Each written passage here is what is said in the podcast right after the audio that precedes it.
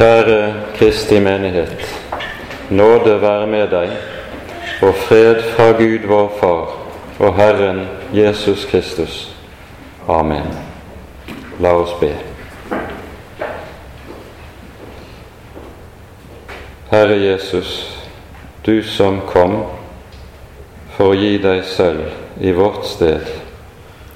Vi takker og lover deg. Du som kom for å bære våre byrder. Velsignet være du. Nå ber vi, Herre, kom også til oss med din hellige ånd, at vi kan få mat av dine ord. Amen.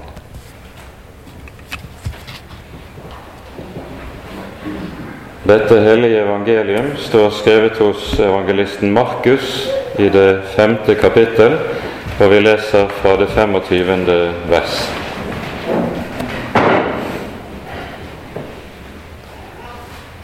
Det var også en kvinne som hadde hatt blødninger i tolv år. Hun hadde lidd meget under mange leger. Alt det hun eide, hadde hun brukt uten å bli hjulpet, og det var heller blitt verre med henne.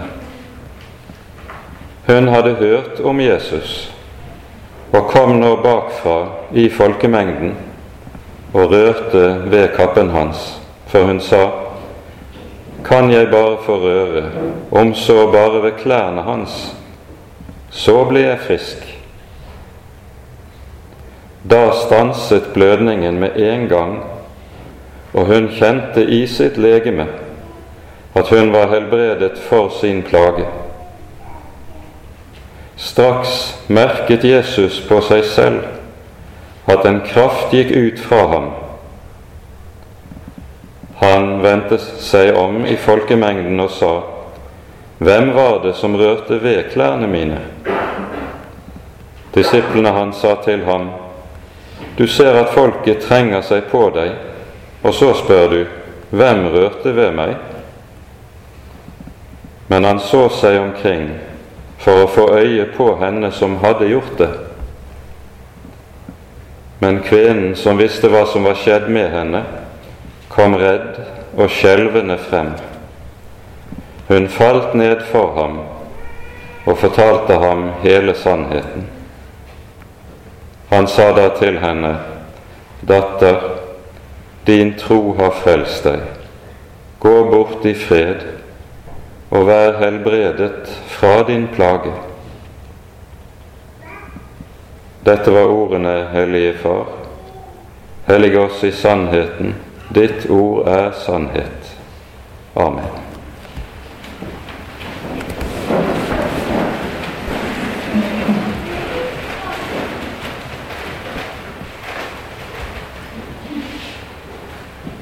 I dagens tekst så hører vi altså om hvorledes Herren Jesus tar seg av et menneske som har lidd meget og lidd tungt under sykdom. Tolv år sies det om henne at hun har gått uten å få hjelp.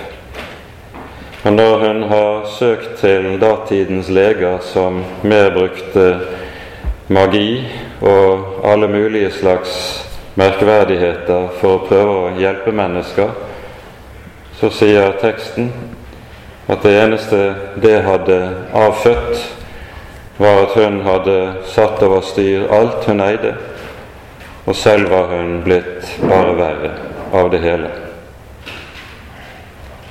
Tolv år. Tolv år med smerte. Og nettopp dette er det jo som kan gjøre lidelse og sykdom så uendelig tungt. Hadde en bare kunne bli helbredet, om så det var bare etter ett års tid, så hadde det vært til å bære, kanskje. Men når det ene år følger det annet, og en ikke ser tegn til bedring, tegn til å få hjelp. Da begynner det å tæres bort som er noe av det aller viktigste i et menneskes liv når det lider, nemlig håpet.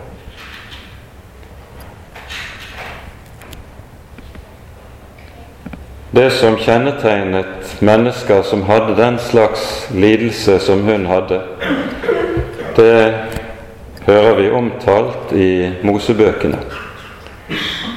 Her tales det om den slags blødninger som kvinnen hadde, det var noe som gjorde et menneske urent. Det betydde konkret at adgangen til Guds hus var stengt. Verken kunne en komme i Herrens tempel eller i synagogen der Guds folk ellers samlet seg. I tillegg var det slik at hver den som rørte henne, ble uren og måtte gjennomgå nødvendige renselsesbad før han igjen kunne være ren. Denne urenhet var relativt eh, beslektet med den urenhet som spedalske var undergitt. Bare med den forskjell at spedalske de ble, måtte bo utenfor byene de som hadde denne typen urenhet som denne kvinnen hadde, de behøvde ikke å isoleres fullstendig fra folk ellers. Men urenheten lå der. Og så er det at hun har hørt ryktet om Jesus. Og det håpet som hun kanskje hadde mistet, det tennes igjen. Hun har hørt hvorledes han går omkring, leger syke, ja, de som er håpløst syke, tar seg av syndere og har et hjertelag som ingen av folkets religiøse ledere ellers viste. For det som jo var stående sannhet blant fariseerne, det var at et menneske som var underlagt den slags lidelser, de måtte nødvendigvis ha gjort seg skyldige i en eller annen alvorlig synd, og så var sykdommen å betrakte som Guds straffedom over dem. Men så er det altså hun har hørt om Jesus. Hørt om ham som også tar seg av syndere. Også leger slike som fariseerne sier er rammet av Guds dom og av Guds vrede. Håpet er tent. Og så trenger hun seg gjennom menneskemengden bakfra. Grunnen er muligens den at hun fortsatt frykter for dette som har med sin egen urenhet å gjøre, at hun vil bli avvist. Og egentlig gjør hun noe som er ganske ulovlig etter det som var lovgivningen i datiden.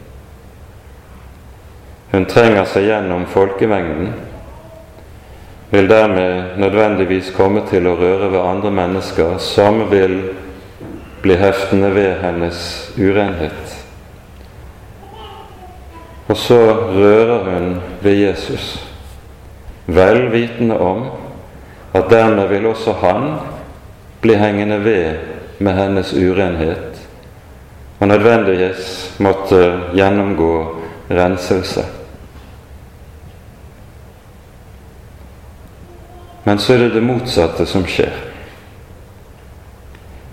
Hun som er uren, gjør ikke Herren Jesus uren, men Jesu renhet og hellighet renser henne og leger henne.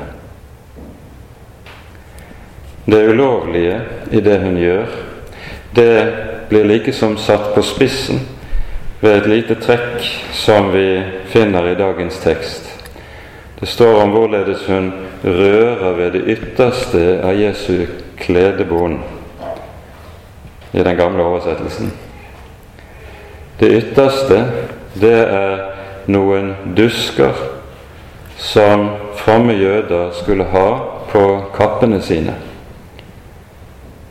Og Disse duskene de var påbudt i henhold til det vi leser i 4. Mosebok 15. kapittel, der det står at alle mannlige alle menn i Israel skulle gjøre seg slike dusker for at når de så på dem, så skulle de komme i hu alle Herrens bud og forskrifter, slik at de ikke skulle løpe omkring etter sitt eget øye og etter sitt eget hjerte. Duskene var altså en særlig påminnelse om Herrens lov og Herrens befaling. Og i denne lov står det altså at hun ikke har rett til og ikke må røre ved et annet menneske. Og så er det nettopp symbolet på loven hun rører ved. Og så blir det hele likesom satt på spissen. Og så er det at Jesus den rene gjør henne ren. Hun kjenner og merker det med det samme. Men for Jesus er ikke dette noe som kan bare gå videre uten at han tar tak i det. For hvert menneske som kommer i berøring med Jesus, ønsker Jesus også å få i tale. For det er gjennom å få det enkelte i tale han også kan tre inn i samfunn med, i fellesskap med den enkelte. Og bare slik kan den nyvunne helse også bli til frelse for henne. Jesus vender seg når han merker hva som har skjedd. Prøver i folkemengden å få øye på henne. Og når blikket hans faller på henne, kommer hun frem, og vi hører hun faller ned for Jesu føtter skjelvende. Og hennes frykt henger jo nettopp sammen med bevisstheten om dette at hun har gjort noe som er forbudt. Men i stedet for å refses av Jesus, så får hun altså nådens ord. Datter, gå bort i fred. Din tro har frelst deg. Tro er i Bibelen intet annet enn dette å komme til Jesus med sin nød, med sin synd og med sin hjelpeløshet, som til den rette mann. Senere hen så hører vi Jesus i Matteusevangeliet komme med følgende innbydelse. Kom til meg, alle dere som strever og har tungt å bære og jeg vil gi dere hvile. Dette er en innbydelse som gis uten forbehold. Jesus setter ikke opp et eneste krav, en eneste betingelse, som den enkelte må oppfylle for at han skal kunne komme til ham. Kom, du. Kom, alle som strever og har tungt å bære. Menneskets liv består som oftest av på ulike vis å ha tungt å bære. Og for mennesker som er rammet av slike tunge ting som denne kvinnen var, så vet en meget vel hva det dreier seg om. Når Jesus sender ut og gir en slik innbydelse, så er det med tanke på dette at han selv er den som er kommet for å bære. Det er selve hans kall, selve hans livs oppgave, var nettopp dette å komme for å bære dine og mine synder og skrøpeligheter. Jesus er den som kan bære. Og i dette ligger selve evangeliet. Han er såret for våre overtredelser, knust for våre misgjerninger. Han kom for å bære våre sykdommer, og han er slått under våre piner, under våre plager. Og når Matteusevangeliet taler om hvorledes Jesus leger og helbreder slike som lider under ulike slags plager, så siteres nettopp ordene ifra Jesaja-bokens 53. kapittel, der vi leser sannelig våre sykdommer har Han tatt på seg, og våre piner har han båret.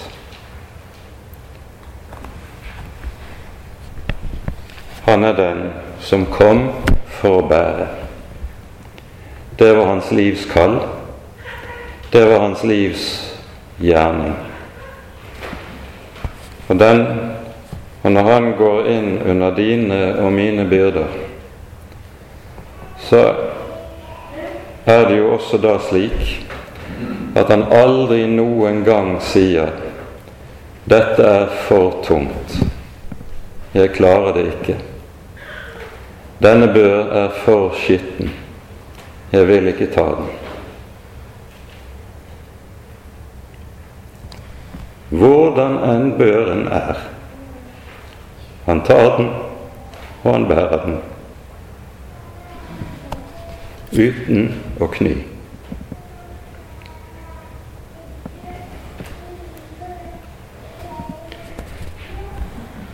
Derfor er det også slik at det er dyp symbolikk i det vi har lest i dagens tekst, om hvorledes den urene renses ved Jesu renhet. Og så tar han dypest sett på seg hennes urenhet. For det er nøyaktig den samme gjerning han gjør med hver og en av oss når vi kommer til ham han tar vår urenhet for at vi skal få hans renhet. Tar vår synd for at vi skal få hans rettferdighet. Tar vår smerte for at vi skal få hans fred. Ja, han er den som kom for å bære. Han er den som kom for å gjøre det Luther kaller for det salige bytte. Og så er dette Skriftens budskap og hvordan Jesus er den samme i går og i dag og til evig tid. Han er den som, sier Skriften, er en miskunnelig ypperste prest som kan ha medynk med oss i vår svakhet, i vår skrøpelighet, fordi han har båret våre kår. Han er den Gud som ikke nøyet seg med å sitte høyt i sin himmel, uberørt av oss og vår elendighet, men Gud som trer inn i våre kår Gud som vet hva det er å være menneske. Gud som vet hva det er. Alt som har med smerte, med nød, med ensomhet og med pine å gjøre. Derfor er det også slik at det å være et Guds barn, det er å vite at jeg skal få lov til å komme til Ham med all min nød. Og vite her har jeg en Gud som vet hva jeg har å bære. Om det enn er slik at vi kanskje også må vente i år etter år uten å få den hjelp som vi synes vi hadde trengt, så har vi dog det løftet at jeg er hos Ham som bærer for meg og bærer med meg, og som har lovet ikke å slippe meg. Og så skjer det grunnleggende og det dype ofte under smerten i et menneskes liv. At en bakefter begynner å se. At den smerte jeg måtte bære, også den var meg til gagn. Slik taler kong Hiskia etter sin dype smerte og lidelse når han sier til fred ble meg det bitre. Ja, det bitre og kjærlig dro du min sjel opp av tilintetgjørelsens grav. For du kastet all min synd bak din rygg. Saken er jo nemlig den at det som virkelig kan gjøre smerte, sykdom, lidelse tungt, det er angsten og frykten for at jeg midt i min smerte er forlatt og forkastet av Gud. Om en så får høre av uforstandige mennesker dette som du lider et tegn på at Gud ikke lenger bryr seg med deg. Du har ikke tro nok. Da kan smerten bli nesten umulig å bære. Men vet du at Herren er min venn. Jesus er min frelser. Han går ved min side fordi han er synderes venn. Da blir smerten også til å bære, fordi jeg vet at midt i alt så slipper ikke han taket. Han er trofast. Han er den som er trofast, også om du og jeg er troløse, sier Skriften.